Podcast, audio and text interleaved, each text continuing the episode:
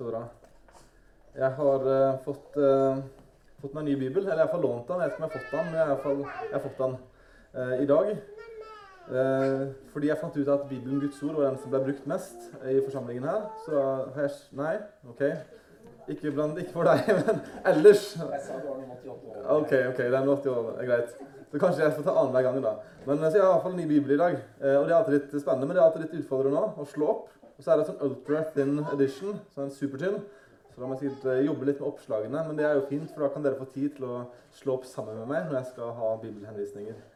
Så eh, det blir gøy for meg å begynne å jobbe i en ny oversettelse, som er ganske lik da for øvrig. Så det er jo ikke, det er ikke å skifte hellig skrift, det er, det er en annen oversettelse bare.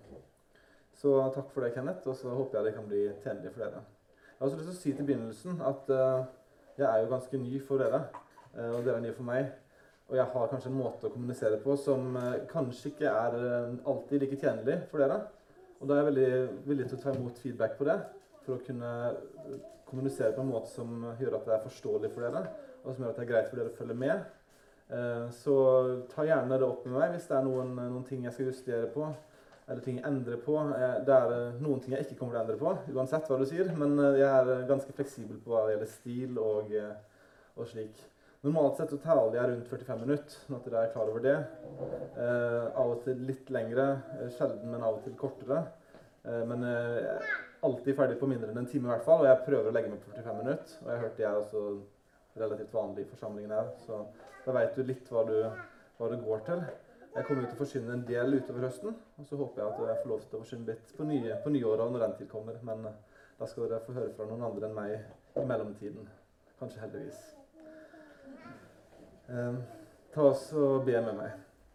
Himmelske Far, jeg vil takke deg igjen for at du har gitt oss en ny dag. Du har latt oss eh, få stå opp, tatt til oss et måltid mat, komme oss til forsamlingen her trygt. Du har latt solen skinne. Du har gitt oss allerede så mange velsignelser som vi til vanlig tar til gitt. Jeg vil takke deg for, for alt du har gitt oss allerede. Jeg takker deg for at vi får lov til å tilby deg lovsangen nå, i fellesskapet. Jeg takker deg for eh, alle som er her nå, og alle de som er hjemme og ikke hadde anledning til å komme. Jeg ber om at du må la dagen i dag bli en, eh, en pitstop hvor en kan få henta energi og få påfyll, åndelig påfyll som en kan bruke i løpet av uka. Eh, at du må la det som blir sagt nå, bli til liv. At det ikke blir bare kunnskap, men det blir kunnskap som preger hvordan vi lever og tenker på. Jeg ber om at du må hjelpe meg til å kommunisere klart og tydelig. Og jeg ber om at du må hjelpe forsamlingen til å forstå det som blir sagt. Hellige ånd, jeg ber deg om at du kommer nå, og at du virker gjennom ordet. Og at du gjør disse bokstavene som står på et ark, levende for oss, så det kan bli til liv, fornyelse, formaning og trøst. Vi ber i Jesu navn. Amen. Vi har uh, igjen brukt uka på å tømme esker og uh, flytte enda mer inn. Eh, og eh, som det er i flytteprosesser, så kommer en da gjennom og går gjennom ting en, eh, en vanligvis ikke går gjennom. Eh, gjenstander som har ligget nedgravd i en eske i flere år, og som en nå har tatt fram fordi en flytter, og som man graver ned igjen og blir liggende i en eske igjen i noen år til sannsynligvis. Men i en av disse eskene så fant jeg en eh, ting. Det var hodeplagget jeg brukte i militæret. Eh, opp med hånden deres har vært i, i militæret tjenestegjort. Én, to, par. Ok, så en av de tingene var det, det vi kaller berreten min. da. Det er et sånt blått fløyels... Kanskje fløyel, men tøyplagg som en har på hodet og vendt litt på sida.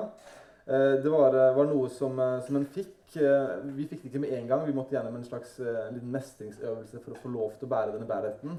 Så det var en slags belønning på at du var ferdig med rekruttskolen. Så fikk vi lov å bære denne bærretten som var litt stiligere enn den capsen vi hadde i begynnelsen. Så en, en, blå, en blå tøyhatt som ser litt sånn Jeg syns han var litt stiligere, i hvert fall. Den er, eh, den er forskjellige farger fra hvor den er og hvor den tjenestegjør. Jeg hadde iallfall en blå, for jeg var oppe i Nord-Norge i det som kalles Brigade Nord. Um, bærte da en, blå beret som jeg fant i eska. Det som er spesielt med denne bereten, er at uh, Det er kanskje ikke så veldig spesielt, men det er én ting han har over venstre øye, og det er det vi kaller kongemerket. Og det er en, en ca. så stor Jeg burde tatt den med, men en cirka så stor pins, nesten. Som er en slags krans som er rundt. En krone på toppen. Med initialene H5 i midten. Harald 5., Norges konge. Selv om militæret generelt sett, og for mange, ikke er det kanskje den mest åndelige oppbyggelige plassen, så er det det for mange. Og det er i hvert fall en viss religiøsitet.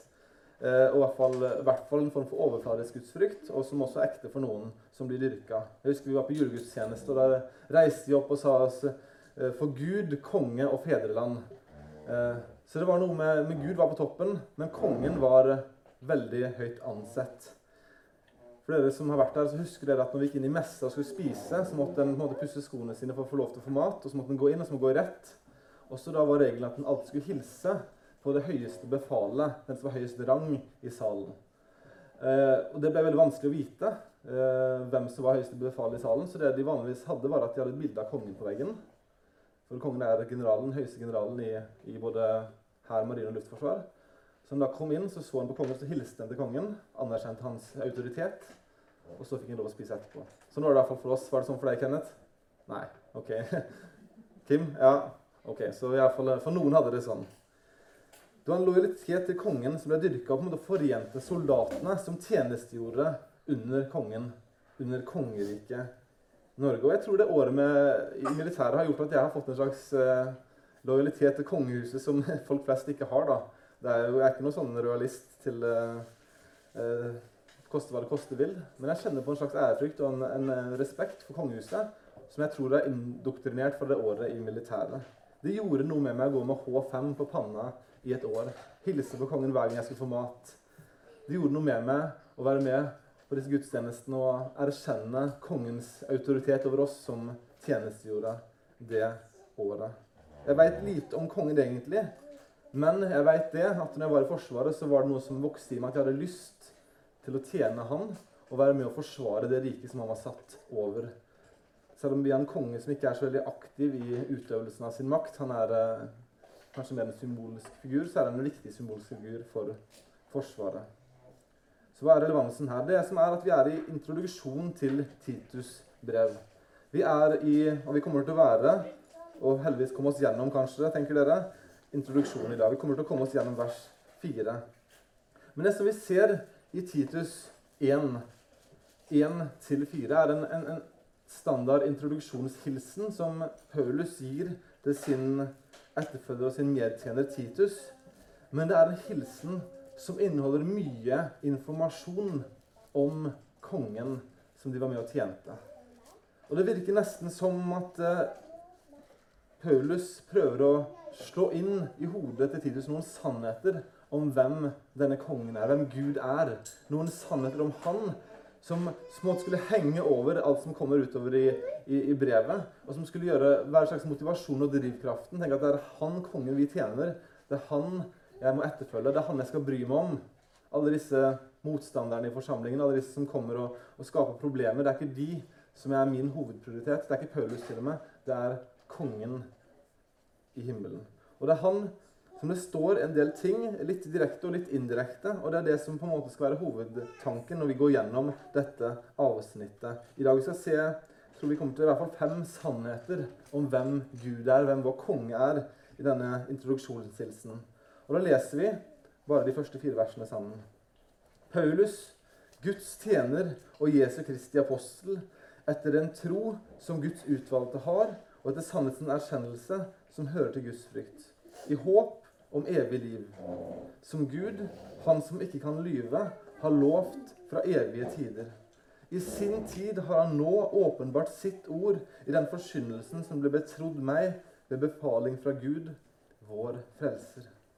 Til Titus, en ekte sønn i vår felles tro, nåde, miskunn og fred fra Gud Fader og Herren Jesus Kristus, vår frelser. Den første sannheten vi skal få med oss i dag Vi kom oss gjennom vers 1 og litt til i forrige gang. Og vi avslutter med å si at håpet, drivkraften for oss kristne, var evig liv. Forventningen, løftet om evig liv. Og så ser vi at Paulus begynner å beskrive noen kvaliteter med Gud, om Gud etter det. Og Det første han sier etter han har sagt og avgitt dette løftet om evig liv, så står det som Gud, han som ikke kan lyve, har lovt fra evige tider.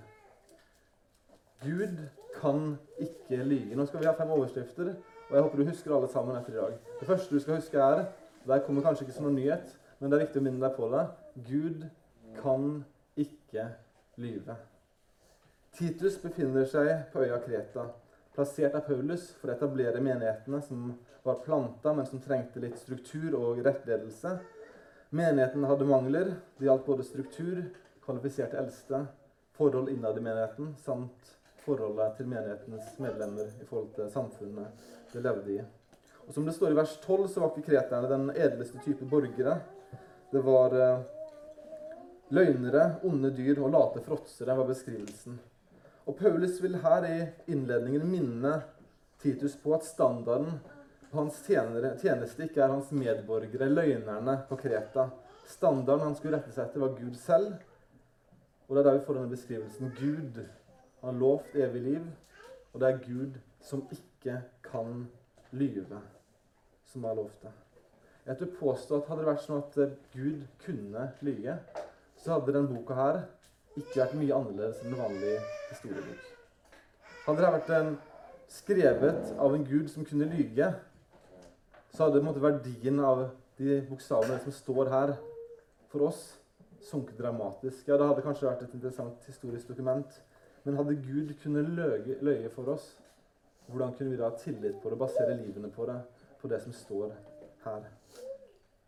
Hvis Gud kan lyge, hvordan kan vi da sette vår tillit til løftene han har gitt oss om tilgivelse, frelse og evig liv?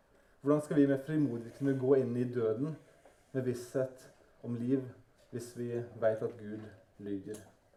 Men det er denne grunnleggende sannheten om Gud som vi må ta til oss med en gang. En essensiell karakteristikk av Guds natur er han kan ikke lyve.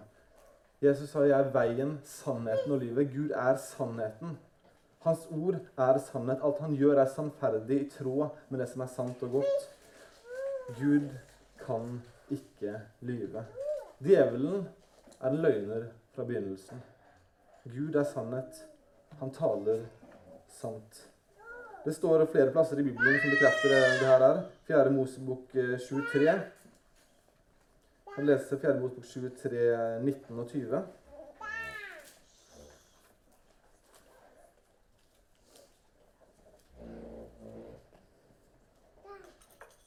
Det er William Biliam som bærer fram en profeti.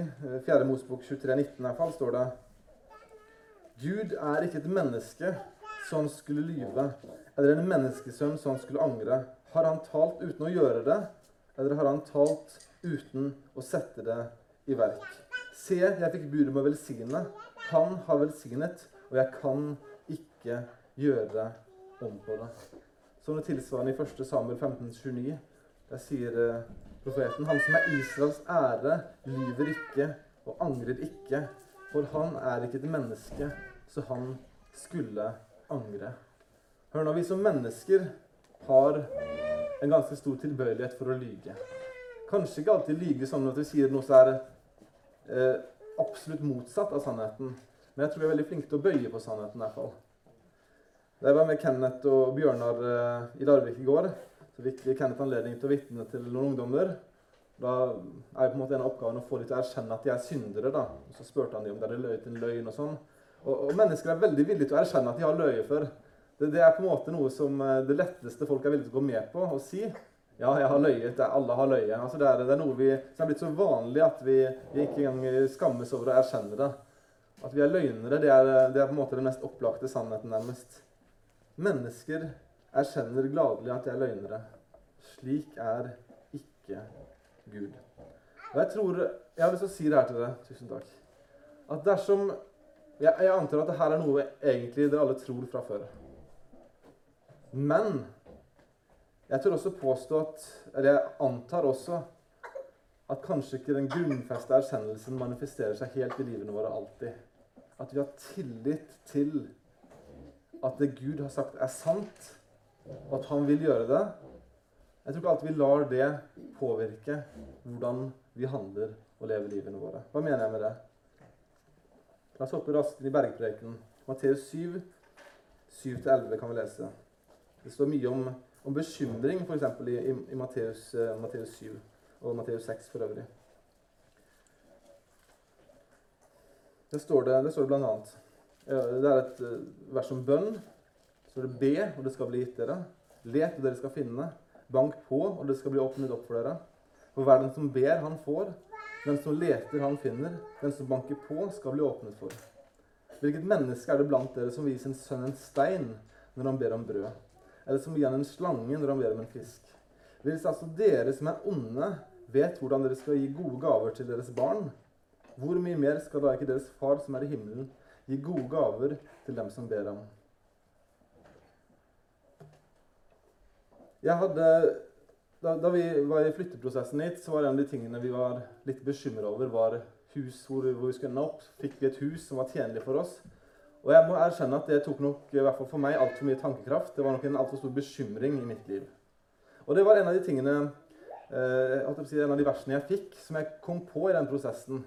Ganske seint dessverre ut i prosessen. Det var det her, dette verset. For Vi hadde jo vært med å be for, for huskjøpet, og jeg visste at Kenneth og folk i forsamlingen her har vært med å be for det. Og Det står her altså Hvis dere som er onde, vet hvordan dere skal gi gode gaver til deres barn, hvor mye mer skal ikke da deres far som er i himmelen, gi gode gaver til dem som ber ham? Nå er det sånn at Gud ikke alltid gir oss det vi i kjødet vårt ønsker, men han gir oss det vi trenger. Og han er god. Han gir oss det vi trenger, det som dekker våre behov, og det som er, gjør at det blir godt for oss å leve i fellesskap med han og med hverandre. Gud gir gode gaver. Og det verste for meg ble en veldig sånn eh, påminner om at denne bekymringen jeg har nå, er egentlig indirekte et bevis på at jeg kanskje ikke stoler på Gud. At jeg ikke tror det han sier, er sant. Altså, Jeg tror det jo teoretisk, selvfølgelig. Men det hadde ikke påvirka hvordan jeg levde. Så det var i hvert fall en, en, et godt vers jeg fikk, som hjalp meg. Og ikke, Nå bekymra jeg meg faktisk litt etter det også til tider, så jeg var, jeg var dessverre ikke helt, helt fri. da, men men poenget er at Gud har lovt oss at hvis vi ber ham om noe som, som er i tråd med hans vilje, så vil han komme med en, en, løsning på det vi ber om. En, et svar som er godt, og som er tjenlig for oss. Ofte ikke det samme som vi ser for oss, men alltid det som er best for oss. Gud er god og gir svar. Han har lovt det til oss, og Gud kan ikke lyve. Jeg er ikke noen herlighetsteolog her. Jeg sier ikke du kan be om Ferrarien, så står han der i morgen tidlig. Det er ikke sånn det fungerer. Men vi skal heller ikke være på andre sida at ikke vi tror vi kan be om ting med frimodighet. For det står det klart og tydelig. Han veit hva vi trenger. Vi som er onde, vi gir barna våre gode gaver. Gud som er god, han gir oss de beste gavene, det vi trenger for å leve nært med Han og de rundt oss. Og Det er altså det samme det står om i Matteus 6 mot slutten. 6.31-34.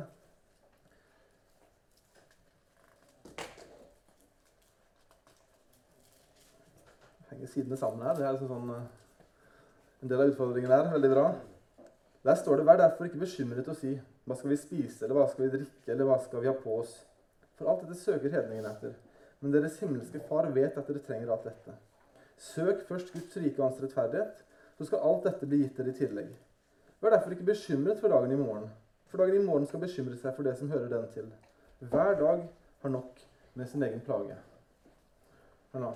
Jeg kjenner noen av dere litt godt, mange av dere kjenner nesten ikke i det hele tatt. Men jeg antar, uten å kjenne dere veldig godt, at noen eller flere av dere går med bekymringer i livet. Kanskje også i dag. Det er ting dere tenker på for neste uke eller for året som kommer, eller kanskje for dagen i dag allerede. Ting dere har i tankene som dere er bekymra for. Jeg får noen anerkjennende nikk.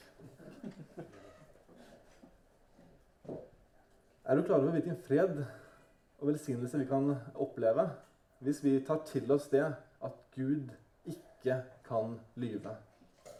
At han har gitt oss løfter om at, at ikke vi trenger å bekymre oss for det som ligger foran. Skal, vår oppgave er å søke først Guds rike.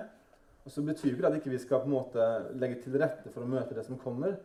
Men en bekymring er noe som, som, som på en vis gjør at det preger oss i negativ forstand og gjør oss ufokusert, og som indikerer at vi mangler kanskje tillit til at Gud faktisk snakker sant. Og Det ser veldig forskjellig ut for alle oss, tror jeg.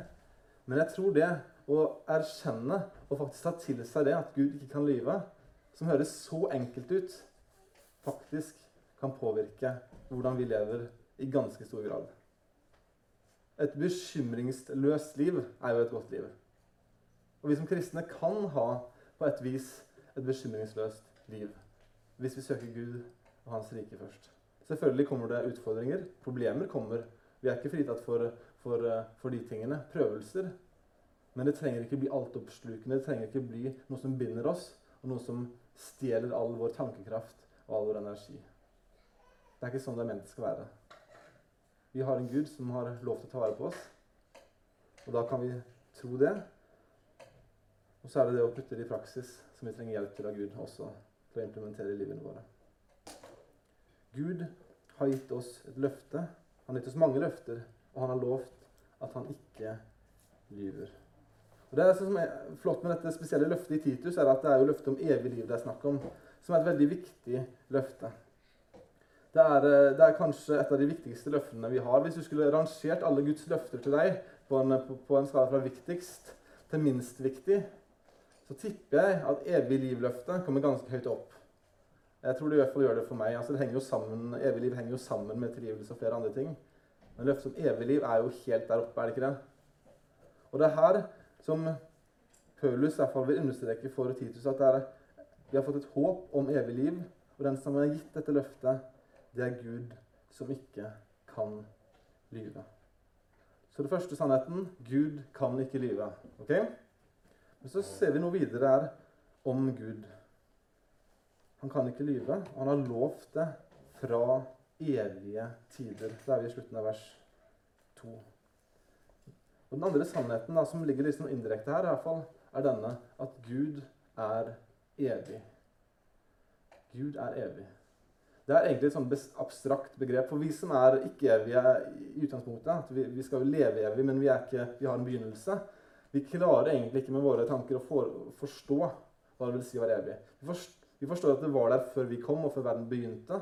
Men vi skjønner egentlig ikke hvordan det, hvordan det fungerer. Jeg gjør i hvert fall ikke det. Kanskje noen av dere har litt mer kapasitet enn det jeg har.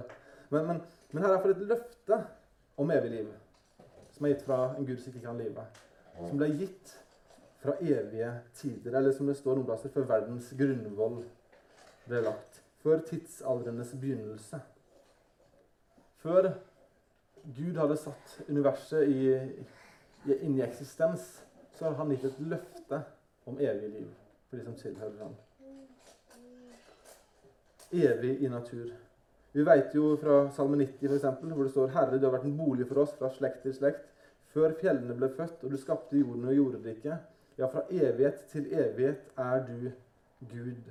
Han er evig i sin natur, og han har også handla på vegne av oss i tiden før vi eksisterte. Det er jo litt sånn abstrakt å tenke på. Men, men, her er det på en måte en ekstra garanti for at løftet hans vil bli oppfylt. Den ene garantien er at han ikke kan lyge. Så han har sagt det, det vil skje. Den andre garantien er at det, det har skjedd fra evighet av. Det er et løfte som er bundet i evigheten, og som er lovt ut i evigheten.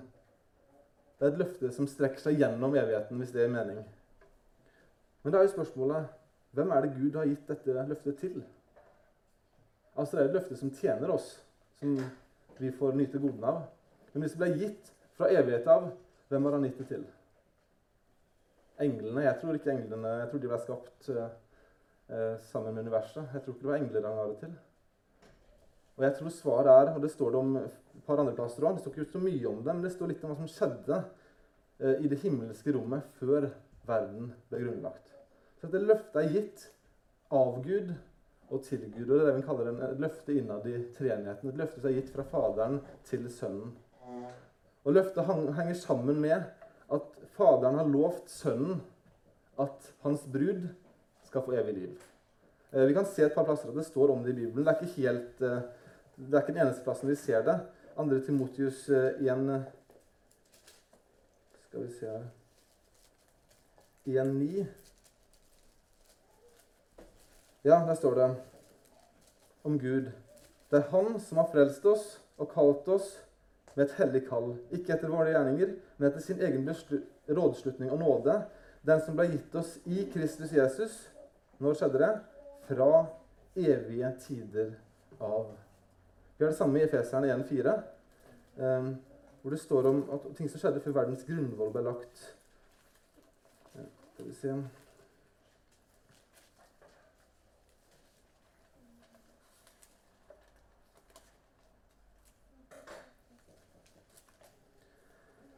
Lovet være vår Herre Jesu Kristi Gud og Far, Han som har velsignet oss med all åndelig velsignelse i den himmelske verden i Kristus, slik som Han utvalgte oss i Han før verdens grunnvoll ble lagt, for at vi skulle være hellige og ulastelige framfor Ham i kjærlighet. Så det er noe som har skjedd før universet kom opp i opprinnelse, som handler om at Gud faktisk har gitt løfter og garantier til sønnen, altså Faderen til sønnen har gitt løfter om at hans brud, altså de som kommer til tro, de skal bevart i evighet. De skal få evig liv. Og Jeg syns det er noe flott med det. da. At, eh, at, Gud, til og med før han hadde skapt Adam og Eva og, og planeten, og alt som er, så hadde han tenkt ja, ikke bare på oss som en gruppe, men jeg tror han har tenkt på meg. Men på Erlend eh, Han skal få evig liv. Og jeg garanterer, altså Han løfter fra Gud, Faderen til Guds sønn om at jeg skal få evig liv og tilhøre Kristus i evighet. Jeg syns det gjør det litt stort. da. Det er liksom, det er rart å tenke på, for det er, det er det er så lenge siden, eller det er på en måte utenfor vår tidsalder. Men han har tenkt på dere. Gud tenkte og lovte noe om dere som tror på Han fra evighet av. Jeg syns det er flott å tenke på. Jeg syns det gjør på en måte hjelper meg til å løfte blikket fra den, den, hverdagen jeg er i, og tenke at det er faktisk noe som skjer av evige dimensjoner som jeg er med på, og jeg får lov å tilhøre. Gud kan ikke lyve. Han har lovt det, og Gud har lovt det fra evighet av med evige konsekvenser. Og han har lovt det til Sønnen, som også er Gud. Så det er guddommelig stadfesta. Jeg tror det er for noe som oppmuntrer Titus til å stå fast i den oppgaven han var kalt til, og som burde oppmuntre og eh, sikre oss og trøste oss i dag. Det at Gud er evig, er faktisk veldig gode nyheter. Jeg vet ikke om det er lenge siden dere har vært i kongebøkene og lest der. I kongebøkene og krønikebøkene er det mye, mye, mye fordervelse. Mange onde konger. Men så er det alltid noen gode konger.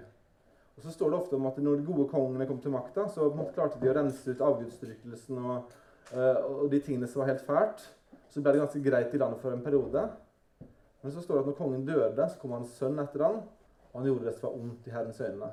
Så disse gode periodene, disse gode, uh, gode tidsperiodene for Guds folk varte bare så lenge kongen levde. Og hør her. Vi har en Gud som aldri skal dø. Så de løftene han har gitt til oss, det varer ikke inntil et punkt, og så slutter det fordi Gud dør. Sånn ultimat sett. Det varer inn i evigheten fordi Gud er evig. Vi kan ha tillit til at løftet om evig liv, men også de andre løftene, at de står fast, er stadfesta fordi Gud ikke kan lyve, og fordi Han er evig. Så ser vi videre at selv om han er evig og gitt løfter fra evighet av, så han har vært med å, å, stadfeste løftene i historien. For det står i vers 3.: I sin tid har Gud nå åpenbart sitt ord i den forkynnelsen som ble betrodd meg ved befaling fra Gud, vår frelser. Så det er løftet som ble gitt fra evighet av, men som ble annonsert i en spesiell tidssetting, og nå ved forkynnelsen til Paulus ved befalingen fra Gud. Vi kan sikkert si mye om det der, men jeg skal fokusere på, på ett poeng. At Gud er guddommelig. Han er på mange måter annerledes og uforståelig for oss. Han er uten begynnelse. Han kan være alle steder, alle tider. Han kan gjøre hva han vil. Han vet alt som skjer. Han er 100% ren og hellig. Han kan skape ut av ingenting. Han er på mange måter uransakelig og uforståelig for oss. Vi kan fornemme litt av hvem Gud er ved å se på skaperverket. Vi kan forstå at det er en mektig kraft som gitt alt det der. Og vi kan til og med forstå at vi som mennesker faller til kort, at vi har gjort opprør mot denne skaperen. Det kan vi forstå uten å ha en bibel. Vi kan bare forstå at, at det er en fantastisk skaper bak dette her, og at jeg som menneske har gjort noe galt mot denne skaperen. Så mye kan vi forstå. Men Gud er på en måte uforståelig og uransakelig for oss i utgangspunktet. Men Gud, som er altså så fantastisk og stor, er ikke bare en, en, en Gud som er på en måte fremmed og som fyller alt uh, i universet, og som er, er, på en måte langt borte fra oss. Gud er også en Gud som er nær. Gud er en Gud som er nær. Gud er uransakelig, men Gud er nær. Gud er uforklarlig, men han har fremdeles åpenbart seg forklart seg selv for menneskene. Jeremia 23, 23, 24 står det Er jeg en gud bare nær ved, sier Herren, og ikke en gud langt borte. Eller kan noen gjemme seg på hemmelige steder så jeg ikke kan se ham, sier Herren. fyller jeg ikke himmelen og jorden.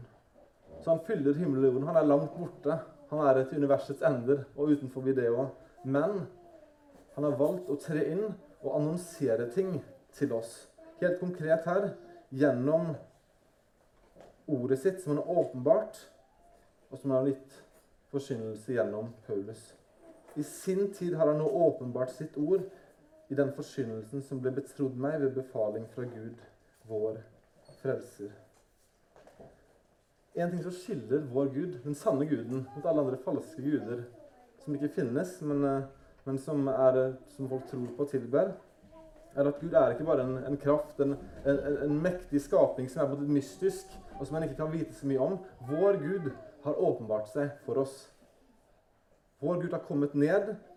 Han har åpenbart seg for oss gjennom forkynnelsen, gjennom profetene, gjennom Sønnen, Jesus, som kom og var Gud manifestert, og gjennom ordet som er nedskrevet av profetene. Vår Gud er en Gud som er nær ved. Og han gjør sånn at vi, med våre mikroskopiske og eh, veldig begrensa og enkle hjerner, klarer å forstå faktisk en del om Gud fordi han har åpenbart seg på en måte som gjør han forståelig. Vi forstår aldri Gud fullt ut.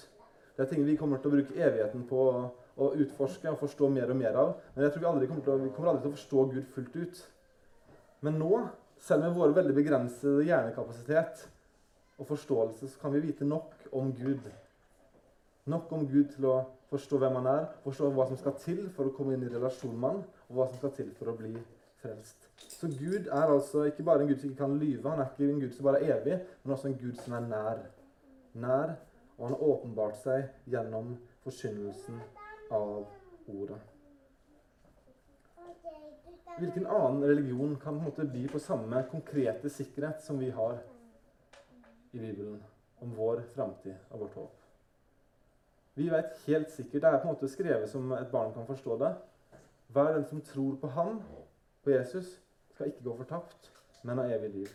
Det er veldig enkelt satt opp. Det handler om å erkjenne at den synderen trenger tilgivelse og må tro på Jesus. Og Da får vi evig liv. En trenger ikke ha enorm kapasitet for å forstå det. En kan være veldig enkel og fremdeles forstå at en trenger tilgivelse, og at en trenger å henvende seg og tro på Jesus og det han har gjort. Gud er en Gud som er nær ved, og som har åpenbart det for sitt skaperverk for oss mennesker. Og han, han åpenbarte seg gjennom Paulus sin forkynnelse. Og Han sier det sikkert her til, Paul, til Titus for å, for å, bekrefte at denne, den trofaste, den tjenesten han sto i, var en tjeneste som ikke var uh, oppfunnet i Titus sitt hjerte. Dette var noe som var befalt fra Gud, og åpenbart fra Gud. Det var noe som var guddommelig inspirert og guddommelig befalt. Menighetsplanene som Titus kom med, var ikke noe han hadde kommet på på forrige strategisamling. Det var ikke noe som han hadde dikta opp eller lest en bok om. Det var noe Gud hadde gitt ham gjennom Paulus, og da videre til Titus. Det er gitt på befaling fra Gud, fra kongen. Fra en Gud som ikke kan lyve, en Gud som hadde planer for evighet av. En Gud som er uransakelig og så fantastisk stor, men samtidig trer inn og åpenbarer seg for oss enkle mennesker. Dette er vår Gud, han som vi tilbyr og tror på. Og, og, sånne ting Disse sannhetene om Gud vi lærer i dag, det er på en måte ingen sånn praktisk anvendelse at ja, pga. det så skal du gå ut og gjøre sånn. Men jeg håper og tror at hvis vi dveler litt på disse tingene, så påvirker det hvordan vi tenker. Det fyller oss forhåpentligvis med litt takknemlighet. Ja, Gud han er så fantastisk stor, men han har likevel valgt å åpenbare seg for meg. Han har likevel valgt å, å gripe inn i historien og tenke på meg fra evigheten og hjelpe meg til å forstå hvem han er, og gi meg håp for evigheten. Og jeg tror hvis vi kan få et bedre bilde av hvem Gud er, ved å meditere litt Det er kanskje litt sånn hysjbegrep, men jeg, liker det. Meditere på kristne sannheter. Det påvirker hvordan vi lever og tenker. Dette er vår Gud, han vi tilbyr å tro på. En Gud som ikke kan lyve. En Gud som er fra evighet av.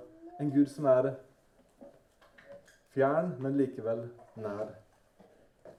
Men Gud er også flere ting. Og Paulus er ikke ferdig, og vi er heller ikke helt ferdige, selv om vi etter hvert nærmer oss. For det står videre om Gud.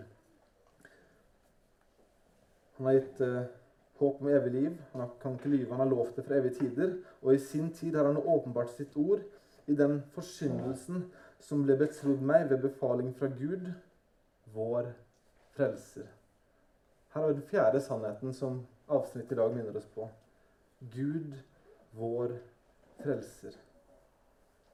En nøkkelegenskap, og kanskje for oss den viktigste egenskapen ved Gud, er at han av natur er en frelsende Gud, en frelser. Han har glede over at mennesker blir frelst. Det står i Lukas 15, 7 og 10 at det er større glede i himmelen over en synder som omvender seg, enn over 99 rettferdige som ikke trenger til omvendelse. Og vers 10 står det vel 'Bli glede blant Guds engler over én synder som omvender seg'. Gud er frelser i sin natur. Og grunnen til at han sendte Jesus til jorda, var at han var frelser av natur. Og at han elsket menneskene, han elsket oss. Og Derfor sendte han Jesus, sånn at vi kunne bli frelst.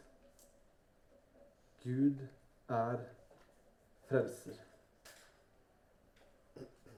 Og på grunn av at han er frelser, så må han, i tråd med sin natur, strekke ut sin arm til oss mennesker. Vi fortjener ikke, men det er i tråd med hans natur. Og vi får lov til å forsyne dette videre og ta del i det sjøl. Frelsen som blir forsynt. Hvordan frelser han? Kunne sagt litt om det. Jo, det står også i teksten her gjennom åpenbaringen av seg selv, gjennom ordet. I sin tid har han åpenbart sitt ord i forkynnelsen som ble betrodd meg ved befaling fra Gud, vår frelser. Ordet er nøkkelen her for å få formidle frelse. Som jeg nevnte, så får man ikke nok informasjon fra skaperverket til å erkjenne at Jesus er Herre og Frelser. En vet kanskje en del om Gud ifra å se på skaperverket, men vi trenger ordet for å komme inn i en frelsende relasjon til ham, for å forstå hvem Jesus er. Bibelen gir oss den konkrete åpenbaringen av Gud. Og Det er derfor Gud har fra tid og tid igjen åpenbart seg gjennom profetene og så har vi en del av det profetene har sagt. Gud har egentlig sagt mye mer enn det vi, vi har nedskrevet her. Han talte gjennom profetene, men i sin visdom så var det kun det vi har i Bibelen, som er inspirert, nedskrevet, og som vi skal på en måte forholde oss til. Så er det det Sønnen gjorde, Jesus, da han gikk på verden. Han har åpenbart seg selv for at vi skal bli frelst. For at vi skal bli styrka i frelsen, styrka i troen, og for at nye mennesker skal kunne bli frelst. Romerne 10, 17, så kommer da troen av forkynnelsen som en hører. Og forkynnelsen som en hører, kommer ved Kristi ord. Kristi ord, formidlet gjennom forkynnelsen, skaper tro. Mine ord, mine på måte, forsøk på å være overtalende, kan være flotte og gode, de. Ikke at jeg er så veldig flink til det, da, men, men, det kan være gode forsøk på det. Men i seg selv vil de aldri kunne skape tro og frelse for noen. Jeg håper det er derfor vi er bibelskrikken at det sier noe om viktigheten av denne boka her. At det er budskapet i Bibelen, de levende ordene her, som kan være med å skape fornyelse for oss som tror, og skape frelse for de som ikke tror. At vi er bibelkirken fordi vi tror og erkjenner at Gud har åpenbart seg, og han frelser gjennom forkynnelsen og gjennom formidlingen av det som står i denne boka her. Jeg håper i hvert fall det er derfor det er bibelkirken. Og jeg tror det er det der. Fokus på opplesningen av Skriften. Vi leser to kapittel hver gang. Jeg kan tenke at Det er litt lenge, men jeg synes det er fantastisk å bare høre og la Gud egentlig tale uten at noen trenger å forklare noe. Jeg bruker mye tid på å forklare lite. Det er noe fantastisk med å bare lese og la Gud tale uavbrutt også. Jeg tror vi trenger begge deler, da. Forkynnelsen av Guds ord er det som skaper fornyelse, trøst, formaning. Det er det som skaper liv for de som ikke ennå tror. Jeg elsker å høre det på politikere og, og, ledere og andre som mestrer talekunsten og som er flinke å tale. Jeg synes Det er veldig inspirerende å se hvordan en person som taler, kan få på en måte titusener i bevegelse og bli haussa opp. Det er utrolig makt i en god retoriker sin stemme. Men hvis jeg ønsker å få noe for min sjel, noe åndelig oppbyggelse, så hører jeg mye heller på den enkleste av forkynnere så lenge han taler ifra Guds ord.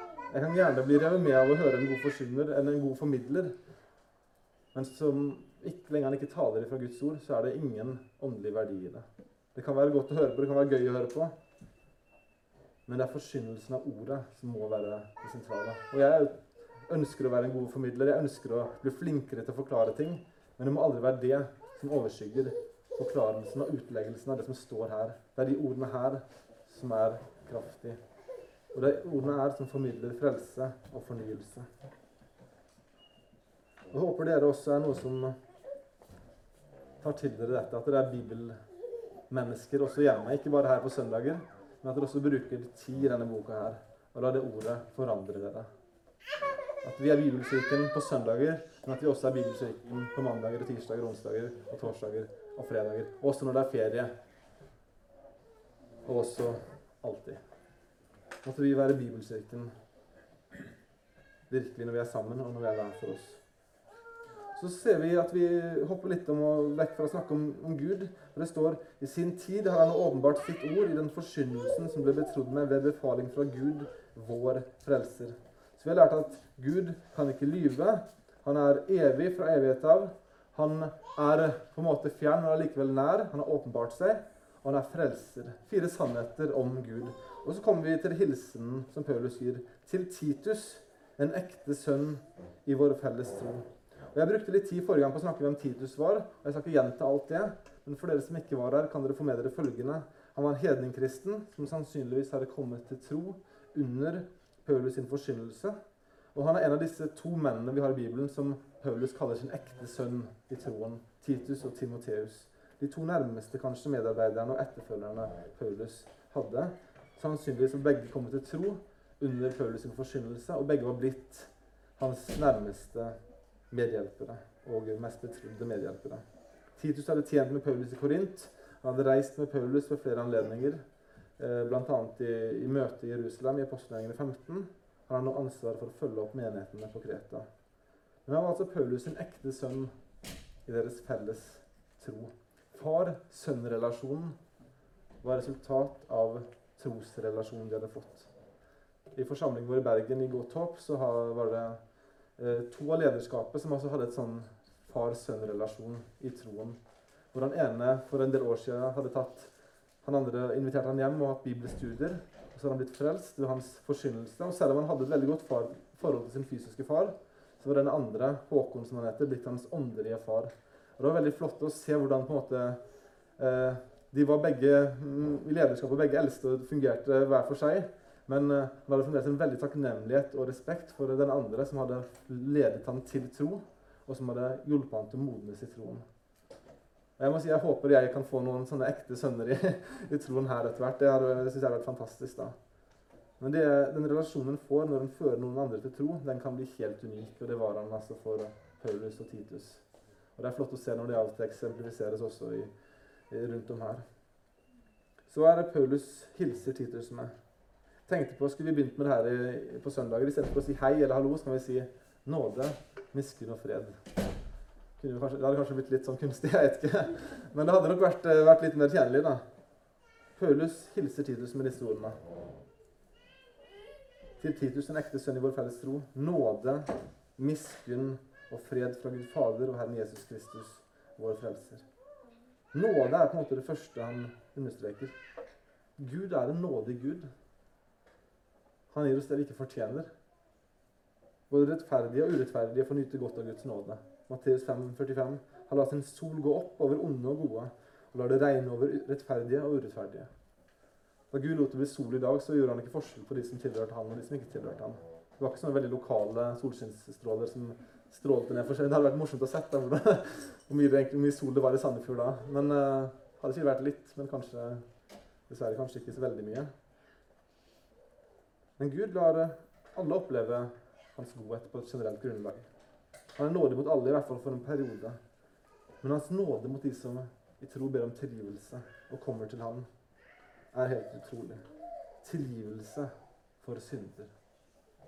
Oppreisning. Et nytt hjerte. Evig liv. Nåde. Om vi skal hilse hverandre ved noe, sånn i hvert fall mener det, så tror jeg nåde er en fin ting å si til hverandre. Nåde. Og så er resultatet, da Eller miskunn blir lagt inn her òg. Miskunn er egentlig bare et ord som beskriver Guds godhet. Guds godhet mot, eh, mot sine barn spesielt, kanskje. Guds miskunn mot oss. Og så hilser han ham med fred.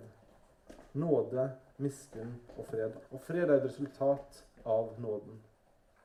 Du har fått fred med Gud. Jeg tror nesten, Hvis jeg skal oppsummere opplevelsen av å ha fått blitt frelst, av å ha fått nåde, så tror jeg ingen ord beskriver det bedre enn fred.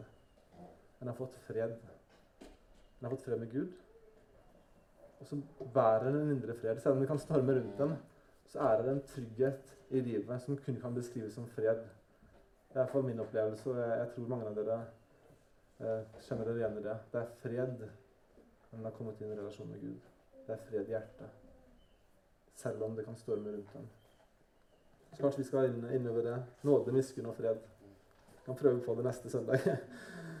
Men det er iallfall disse tingene som, som Pølus hilser tidligere som er, som er helt sentrale. Hvem er det denne nåden og miskunnen og freden kommer fra? Fra Gud, vår Far. Kanskje det er den femte tingen du skal få med deg i dag. Og den siste tingen nå snart helt Det sa jeg i stad, men nå mener jeg det også, da. Erlend, Gud kan ikke lyve. Erlend kan lyge litt av og til. I hvert fall hvor lenge talen skal være. Men, uh, uh, men det var utilsikta, da, hvis det hjelper. Det hjelper kanskje ikke. Nå, nå bøyer jeg på sannheten. Fra Gud, vår Fader. 1. Johannes 3,1. Jeg har lyst til å si det før vi avslutter. Jeg syns den siste tingen vi peker på, er, er utrolig viktig.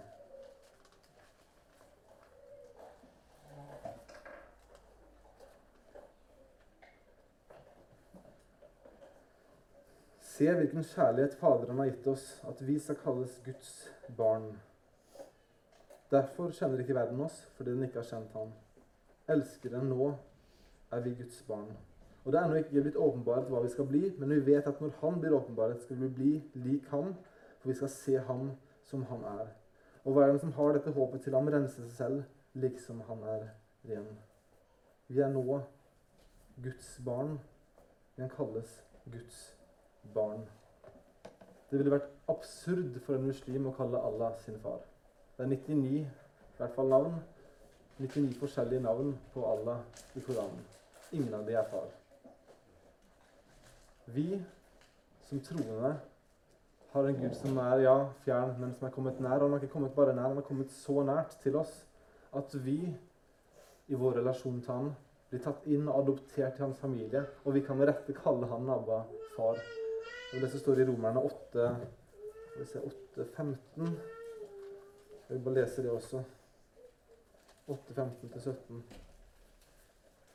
For dere fikk ikke trelldommens ånd, så dere igjen skulle frykte. Men dere fikk barnekårets ånd, og i ånden roper vi 'Abba, Far'. Ånden selv vitner med vår ånd at vi er Guds barn. Og hvis vi er barn, da er vi også arvinger. Guds arvinger og Kristi medarvinger, så sant vi lever med Han, for at vi også skal bli herliggjort sammen med Han. Altså Hadde vi blitt kalt inn i Guds husholdning som den laveste av den lave i husholdningen, så hadde det vært så fantastisk mye bedre enn alternativet. Men Gud har adoptert oss inn som sønner og døtre. Presisere det òg. Som barn. Jeg liker å tro at jeg har en viss omsorg for mine medmennesker. Jeg liker iallfall å tro det. Eh, omsorg for dere, håper jeg. Kollegene mine, også naboen. Og jeg liker iallfall å tro jeg har en viss omsorg for mine medmennesker. Men omsorgen jeg har for kona og barn, er den som instinktivt er den desidert største. Jeg er mest beskyttende overfor de. Det er de jeg vil på en måte kaste meg foran hvis det skulle bli nødvendig. Og Sånn er Gud med oss også. Vi er tatt inn som barn i hans familie. Han bryr seg om oss. Vi tilhører han nå. Hva enn du måtte møte, så er Gud med deg. Han står med deg og beskytter deg. Han styrker deg. Han gir deg det du trenger. Og vi kan rope ut ham som et barn roper sin far. Abba, far. Jeg syns det er eh, litt påfallende å se mine barn eh, når de, når de, slår seg. Uansett hvor de er, så klarer de på en måte å finne meg, selv om ikke de vet hvor jeg er. De på en måte klarer å komme grinende, så hører de bare at de nærmer seg. De klarer en eller annen radar som soner inn på sin far, eh, eller sin mor, da, for øvrig. skal sies. Men, men, men, de klarer å finne sine foreldre. Måtte vi være sånne også, som har samme tilliten til Gud. Vi kan komme til Han. Uansett hva det måtte være, så er Han der for oss. Gud, vår Far. Det er helt unikt. Sånn er Gud. Og så er hilsen også fra Herren Jesus Kristus, som også er vår frelser. Hør her, måtte de sannhetene om Gud påvirke oss. Gud kan ikke lyge. Gud er evig. Han er nær, men er likevel fjern Nei, omvendt. Fjern, men er likevel nær. Han er frelser, og han er far. Måtte vår forståelse av hvem Gud er, hjelpe oss i hverdagen til å leve med frimodighet, i trygghet, med fred, til å tåle det som verden måtte møte oss med. Vi har en Gud som passer på. Vi har en Gud som verner om oss. Vi har en Gud som ønsker oss det gode, og som vil føre oss ikke bare til døden, men inn i evigheten i livet. Så vi takker deg og priser deg for det. Kjære, gode far. Jeg takker deg for at vi kan kalle deg far. At du har tatt oss helt inn i den mest intime krets i din husholdning. Vi er dine barn, medarvinger med Kristus, som vi kan kalle vår bror også. Kjære far, jeg takker deg for at du har omsorg for oss nå. Jeg takker deg for at du ser til hver enkelt her inne nå. Du ser hva bekymringer den enkelte måtte, måtte tenke på eller streve med i disse tider. Hjelp hver enkelt å se at du har gitt løfter om å passe på og beskytte. Hjelp oss til å stole på løftene dine. Hjelp oss til å få fred og til å kunne ha frimodighet i denne verden i visshet om at du tar vare på oss. Takker deg for at du brukte disse ordene til å styrke Titus for 2000 år siden, og at disse ordene er levende, så de kan fremdeles oppmuntre oss i dag. Ber jeg om fellesskapet videre i dag. Hjelp oss til å leve i lyset av disse sannhetene. Hjelp oss til å bli preget av det. Og vi takker deg for din nåde mot oss. Priser deg, og vi takker deg. Vi ber i Jesu navn. Amen.